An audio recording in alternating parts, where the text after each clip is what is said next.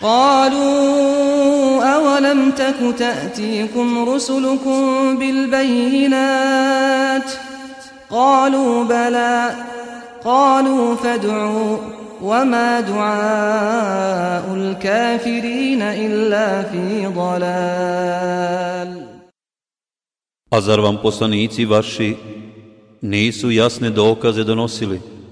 Upitaće oni. Jesu. odgovorit će.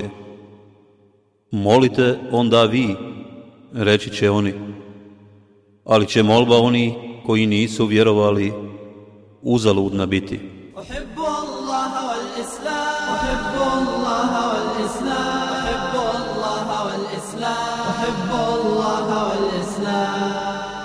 Kazivanje o Allahovim vjerovjesnicima.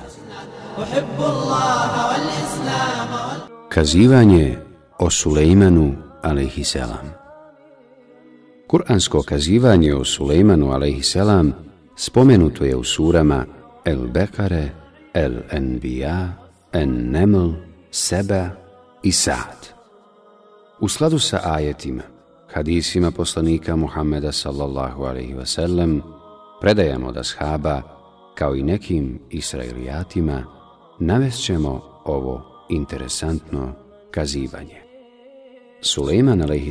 je naslijedio svoga oca Davuda a.s. On nije bio njegov najstavi sin, ali ga je Allah uzvišeni učinio boljim od ostalih njegovih sinova. Naslijedio ga je u poslanstvu i vlasti, a ne u imetu. Buharija i Muslim prenosi od Omera, radi Allahu Anhu, da je Allahu poslanik sallallahu alaihi wasallam rekao Mi poslanici se ne nasljeđujemo, sve što iza nas ostane je sadaka. Ubrzo, nakon preuzimanja poslanstva i vlasti, Allah uzvišen je alaihi Selam učinio takvim vladarem kakvog u čovječanstvu prije njega nije bilo, a takvog neće biti ni do sudnjeg dana. On je Allaha uzvišenog molio, Gospodaru moj, oprosti mi i pokloni mi vlast, kakvu niko nakon mene neće imati. Ti u istinu to daruješ. Allah uzvišeni mu je tu dovu uslišao.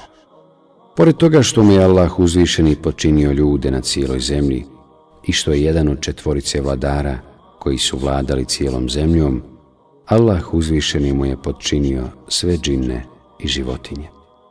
Džini nisu bili podčinjeni nikom prije Sulejman selam. niti ikom poslije njega. Svi džini su bili pod njegovom komandom. Allah uzvišeni mu ih je učinio slugama koji su pokorno radili šta god je on htio. Neke od džina koristio je u građenju ogromnih prelipih građevina. Navodi se da su džini Sulejmanu a.s. izgradili Jerusalem, Istahar, Tedmur i druge gradove. Pravili bi mu velike lonce u kojima su Izraelčani spremali hranu i dijelili siromasima. Džini su obavljali druge teške poslove, koje nisu bili u mogućnosti obavljati ljudi. Posebna skupina džina je ronila u moru i vadila bisere, dragulje i druge dragocjenosti. Uzvišeni Allah kaže I učinili smo da mu iz izvora rastopljen bakar teče i da džinni voljom njegovog gospodara pred njim rade. A kad bi neko od njih otkazao poslušnost naređenju našem, učinili bismo da ognjenu patnju osjeti. Oni su mu izrađivali šta god je htio, hramove i spomenike, izdjele kao čatrnje i kotlove nepokretne. Trudite se i budite zahvalni, o čeljadi Davudova. A malo je zahvalnih među robovima mojim. U slučaju da neki od njih otkažu poslušnost, on bi ga žestoko kaznio i zatvorio. Vezao ih je u okove po dvojicu. Uzvišeni Allah kaže I šeitani sve graditelji i gnjurci i drugi u bukagi okovani ovo je naš dar, pa ti oslobodi od njih koga hoćeš ili zadrži, nećeš zbog toga odgovarati. On je doista blizak nama i čeka ga krasno prebivalište. Sve je to samo dio od onoga što mu je Allah uzvišeni dao i podčinio, upotpunjavajući mu vlast koju neće imati niko poslije njega, kao što je nije imao ni prije njega. E suddi kaže Šeitani su se prije vremena Sulejmana selam penjali na nebo da bi prisluškivali govor Meleka o sudbini, pa bi zatim dolazili gatarima da ih o tome izvijeste. Gatari su to govorili ljudima koji bi potom vidjeli da je tako kako su ovi rekli.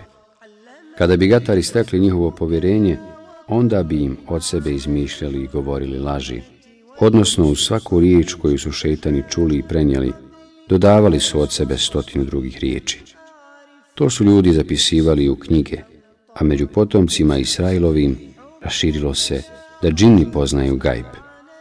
Nakon toga poslan je ljudima kao poslanik Sulejman a.s.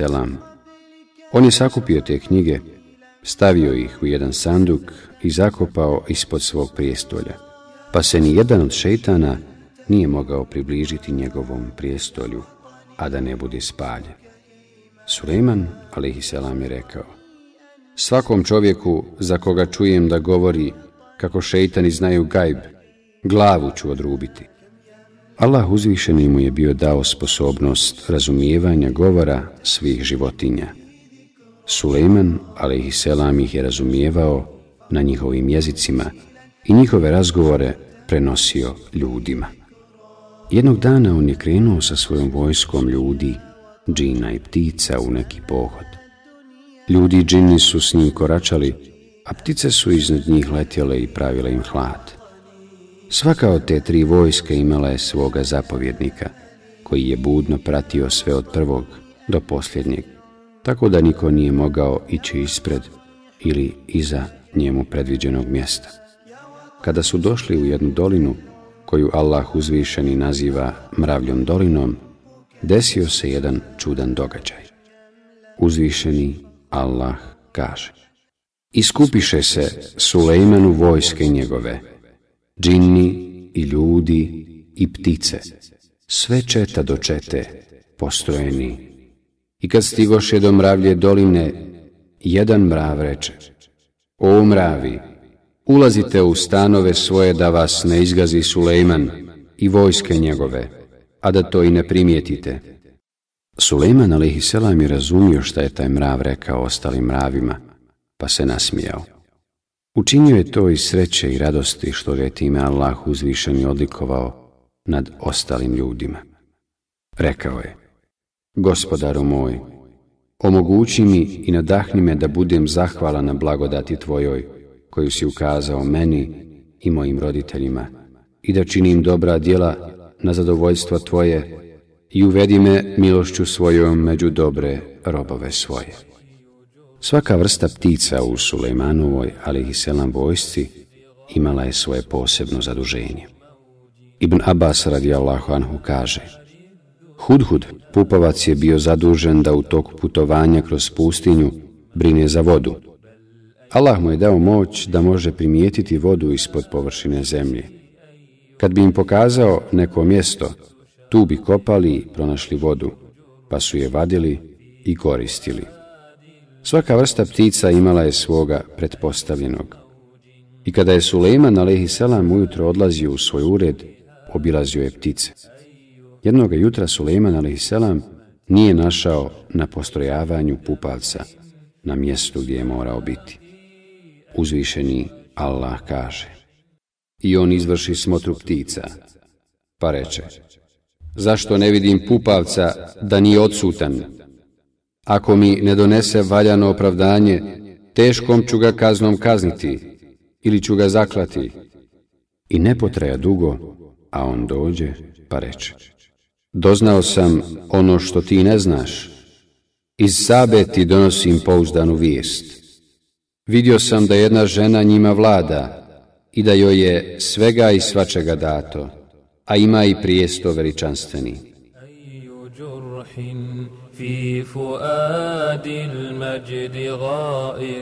Esalebi kaže, nakon njenog oca narod je bio postavio jednog čovjeka za vladara, ali je zbog njegove nespretnosti zavladao veliki nered. Na to je ova žena ponudila brak, pa se njome oženio. Kada je ušla kod njega, ona ga je opila vinom, odsjekla mu glavu i objesila je na vrata. Svijet se skupio i nju postavio za vladara.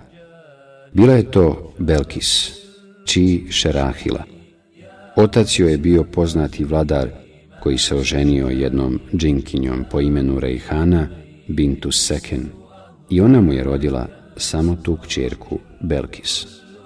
El Hasan el Basri kaže Belkis, kraljica Sabe, je bila u zemlji koja se zvala Mareb, tri milje daleko od Sane. Njeno konsultativno vijeće činilo je 312 ljudi, a svakom od njih bilo je podređeno 10.000 ljudi. Pupovac je o svemu tome obavijestio Sulejman a.s. kao i o njihovom obožavanju sunca. Uzvišeni Allah kaže Vidio sam da se ona i narod njezin suncu klanjaju, a ne Allahu. Šeitan im je prikazao lijepim postupke njihove i od pravog puta ih odvratio, te oni ne umiju naći pravi put, pa da se klanjaju Allahu, koji izvodi ono što je skriveno na nebesima i zemlji i koji zna ono što krijete i ono što na javo iznosite. Allah je, nema Boga osim njega, gospodar arša veličanstvenog. Vidjet ćemo, reče Sulejman, da li govoriš istinu ili ne. Tada im je Sulejman a.s. napisao pismo sa pozivom da povjeruju u Allaha uzvišeno i da se bez oklijevanja pokore Allahovom poslaniku. Dao je to pismo Pupavcu i rekao Odnesi ovo moje pismo pa im ga baci, a onda se od njih malo izmakni i pogledaj šta će jedni drugima reći. Pupavac je odnio pismo kraljici Belkis. Došao je na njen dvor i kroz prozorčić ušao u prostoriju u kojoj je ona sama boravila. Bacio je pismo pred nju, a zatim se malo iz pristojnosti izmakao u stranu, čekajući njen odgovor. To je prvo korištenje ptica za nošenje pisma. Ona se zbunila i iznenadilo ju je to što je vidjela. Nakon što je pročitala pismo, sazvala je sve namjesnike, ministre i velikane svoga kraljevstva na dogovor, pa je rekla O velikaši, meni je dostavljeno jedno poštovanja vrijedno pismo. Ono što sam vidjela zavređuje pažnju. Donijela mi ga je jedna ptica i bacila ga predame, a zatim se iz pristojnosti izmakla tako što nije u stanju učiniti niko od kraljeva. Obavijestila ih je da je pismo od nepoznatog vladara Sulejmana, a onda im ga je pročitala. U ime Allaha, svemilosnog, milostivog. Ne pravite se veći od mene i dođite da mi se pokorite. O, velikaši, reče ona. Savjetujte me šta trebam u ovom slučaju da uradim. Ja bez vas ništa neću da odlučim. Mi smo vrlo jaki i hrabri, a ti se pitaš, pa pogledaj šta ćeš uraditi, rekoše oni. Belkis je znala da će se autoru pisma veoma teško suprostaviti, a još teže ga obmanuti. Ipak je to pokušala, rekla je. Kad vladari osvoje neki grad silom, oni ga razore, a ugledne stanovnike njegove učine poniženim, Eto, tako oni rade. Poslaću im dar i vidjet ću s čime će se izaslanici vratiti.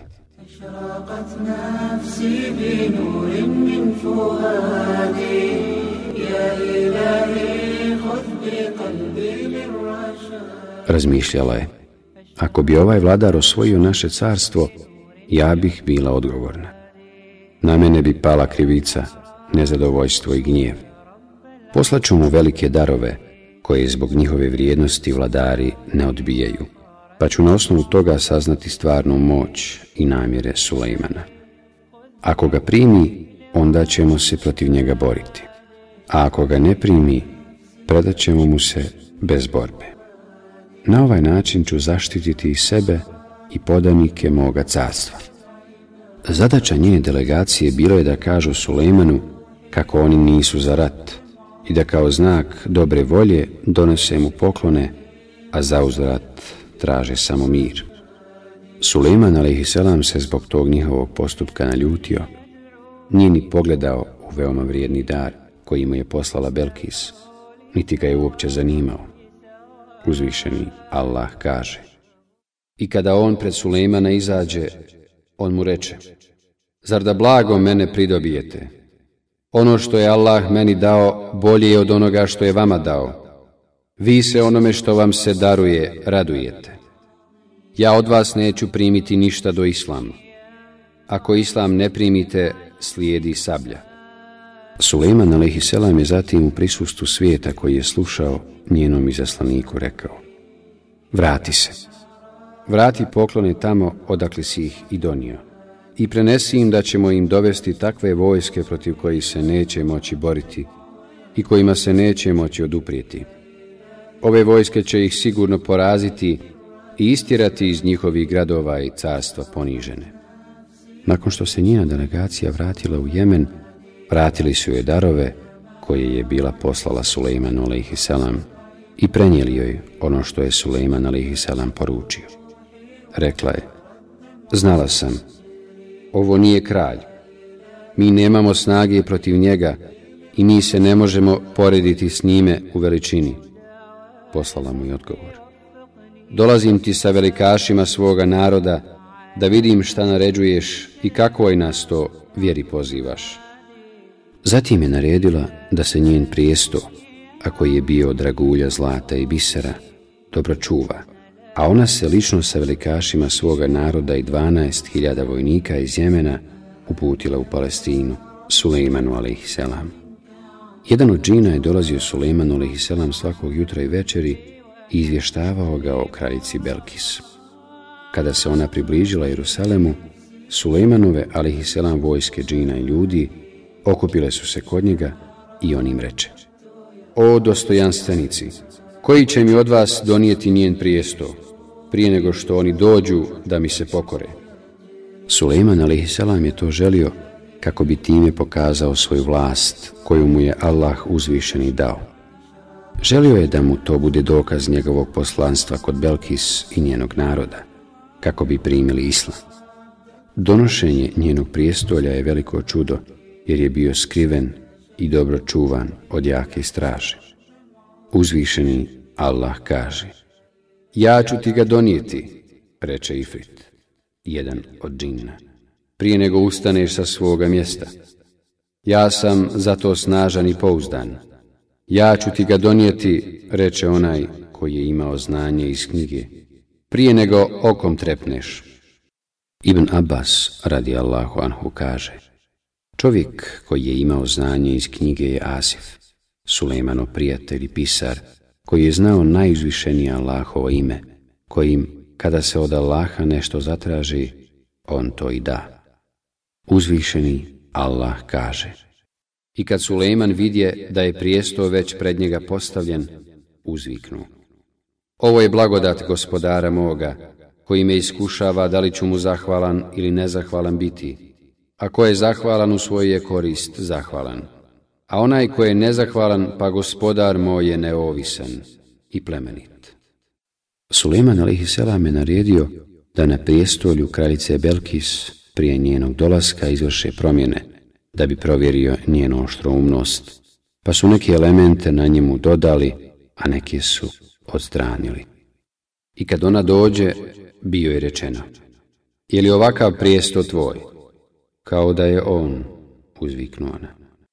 Ona je bila veoma razborita i oprezna i nije htjela reći da je to on, niti to poreći. Činilo joj se da je on, jer je jako sličio njenom prijestolju, a istovremeno nije vjerovala da neko može učiniti tako veliko čudo, prebaciti njen veliki prijestol iz Jemena. Ovakav njen odgovor pokazao je vrhunac njene oštrumnosti. Suleman a.s. je bio naredio da mu sagrade ogroman dvorac, popločan staklom ispod kojeg su izveli da teče voda, pa su mu to napravili. Oni koji nisu znali šta je to, mislili su da je to samo voda.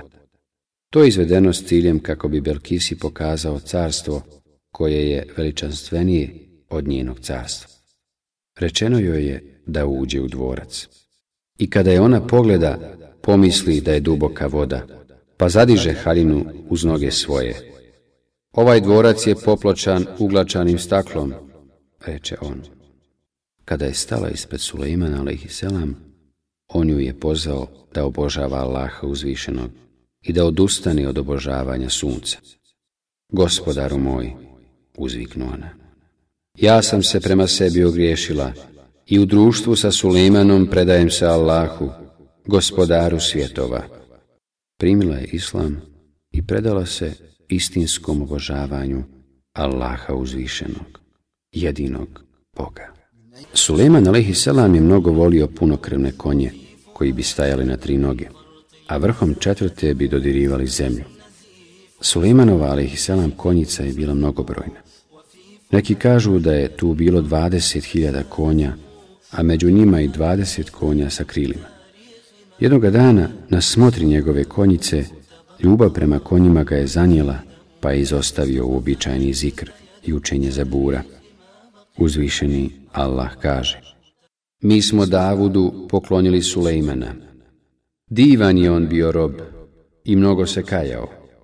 Kad su jedne večeri pred njim bili izvedeni punokrvni konji, koji su na tri noge stajali, a četvrtom jedva zemlju doticali, on reče.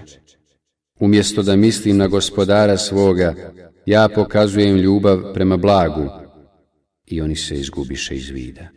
Vratite mi ih.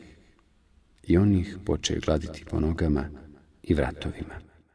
Kada se Suleiman a.s.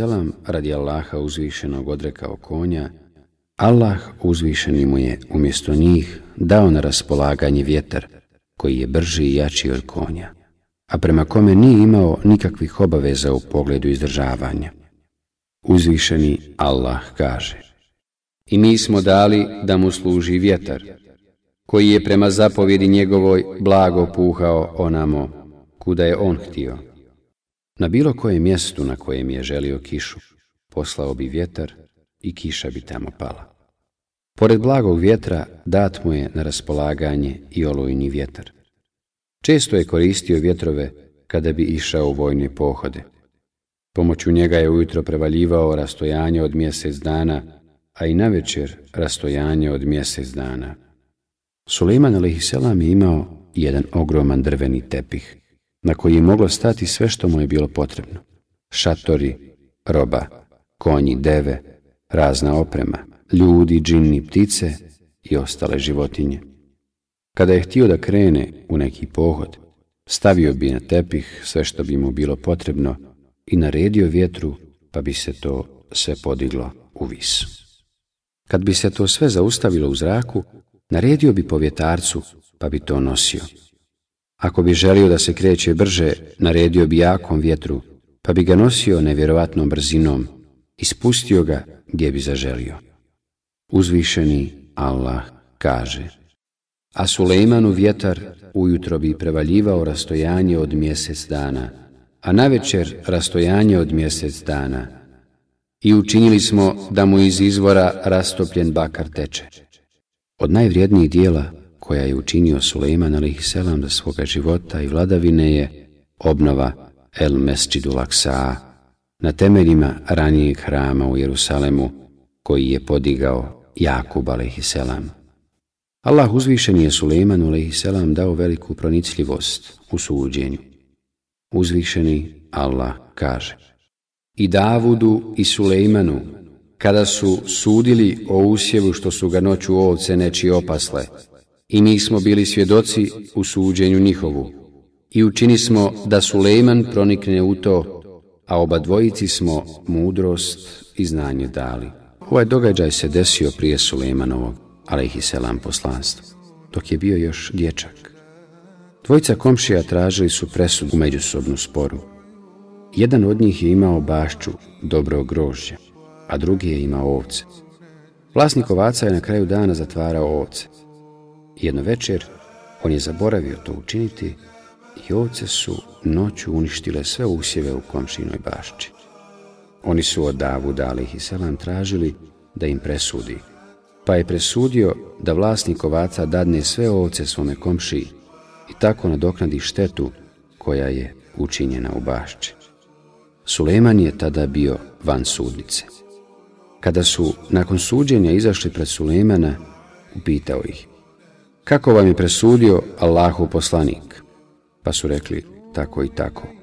Na što je on rekao, da sam ja presuđivao, presudio bi drugačije. Dao bih ovce vlasniku bašće, neka od njih koristi priplod i mlijeko, sve dok vlasnik ovaca ne vrati bašću u prvobitno stanje i tek bi mu tada vratio ovce. To je čuo Davud a.s. pa je onda tako i presudio. Buharija i Muslim prenosi od Ebu Horeiri radi Allahu anhu da je poslanik sallallahu alaihi wasallam rekao Dvije žene su čuvale svoja dva sina, pa ih je napao vuk i starijoj od njih dvije odnio sin. Starija je rekla, Vuk je odnio tvog sina. Mlađa je rekla. Ne, odnio je tvog sina. Nijedna od njih nije imala dokaz za svoj tvrdnju Zatim su došle kod Davuda, pa je dijete dosudio starijoj ženi. Nakon toga su otišle kod Sulemana, pa je rekao Dajte mi nož da ga raspolovim, pa uzmite popola djeteta. Na što je mlađa rekla Nemoj, Allah ti se smilovao, sin je njen pa je dosudio dijete mlađe. Više učenjaka iz prvih generacija navodi da je Suleiman a.s. imao hiljadu žena, sedamstotina vjenčanih i 300 robinja. Pored svih dunjaočkih blagodati koje je darovao svome poslaniku Sulejmanu a.s., Allah uzvišeni mu je pripremio na ahiretu obilnu i lijepu nagradu i veliku počast kod njega. To će se desiti na dan proživljenja i obračuna. Uzvišeni Allah kaže On je doista blizak nama i čeka ga krasno prebivalište. Ibn Đerir navodi od Ibn Abasa radi Allahu anhu da je poslanik sallallahu alihi vasallam rekao Suleman je molio Gospodaru moj, sakri od džina moju smrt, kako bi ljudi znali da džini ne poznaju gajb. Od drveta je istesao štap i ostao naslonjen na njega godinu dana, a džini su stalno radili. Kada je crvi stočio štap i Sulejman pao, ljudi su shvatili da džini ne bi ostali godinu dana u ponižavajućoj kazni, da su gajb poznavali. Abdurrahman ibn Zaid kaže, Suleman je rekao Meleku smrti, kad ti bude naređeno da mi uzmeš dušu, prethodno me obavijesti. Melek smrti mu je došao i rekao, Sulejmane, ostalo ti je samo malo da živiš. Tada je Sulejman naredio džinima da mu naprave prostoriju od stakla, bez vrata, a on je, naslonivši se na štap, klanjao. Melek smrti je došao i uzeo mu dušu dok je bio naslonjen na štap. Sulejman je ovo uradio da bi džini dalje radili gledajući u njega i mislili da je još živ. Sulejmanov nasljednik je to znao, ali to nije htio pokazati pred ljudima dolazio je Sulejmanu kao da mu je nešto šaptao, a potom se vraća. Zatim je Allah poslao crva da rastoči njegov štab. Kada je crv rastočio štab, Sulejmanovo tijelo se srušilo. Kada su to džini ugledali, otišli su. Na to ukazuju riječi uzvišenog Allaha. A kad smo odredili da umre, crv koji je bio rastočio štab njegov, upozorio ih je da je umro, i kad se on srušio, džinni shvatiše da ne bi na muci sramnoj ostali, da su budućnost prozrijeti mogli. Sulejman, alihi selam, je živio 52 godine i vladao je 40 godina. sudi kaže, kada je Suleman umro i kada je nestalo učenjaka, šetan je došao jednoj skupini Israilovih potomaka u ljudskom liku i rekao im, Hoćete li da vas upoznam s riznicom koju nikada nećete moći istrpiti? Da, odgovorili su. A on im je rekao. Kopajte ispod Sulejmanovog prijestolja. Oni su kopali i našli su knjige koje je Sulejman zakopao. Kada su ih izvadili, šeitan je rekao. Sulejman je ovom vrađbinom upravljao ljudima, džinima i pticama. Tako se među Israelovim potomcima proširilo da je Suleiman a.s. bio vrač. Oni su ga zato proglasili nevjernikom. Mrzili su ga i proklinjali. Tako je ostalo da ga neuki ljudi proklinju, pa je Allah uzvišeni objavio Muhammedu a.s. Oni se povode za onim što su šeitani o Sulejmanovoj vladavini kazivali. A Sulejman nije bio nevjernik, nego su nevjernici šeitani koji ljude uče vrađbini, a to nije ni objavljeno dvojici meleka, Harutu i Marutu u Babilonu, nego su njih dvojica i nikoga nisu učili dok mu ne bi rekli. Mi samo iskušavamo, a ti nemoj biti nevjernik. I ljudi su od njih dvojice učili kako će muža od žene rastaviti, ali oni nisu mogli nikome bez Allahove volje nauditi. Učili su ono što će im nauditi i od čega koristi neće imati. Iako su znali da onaj ko to sebi pribavi, na drugome svijetu nikakve sreće neće imati, a doista je jadno ono zašto su se prodali, kada bi samo oni to znali.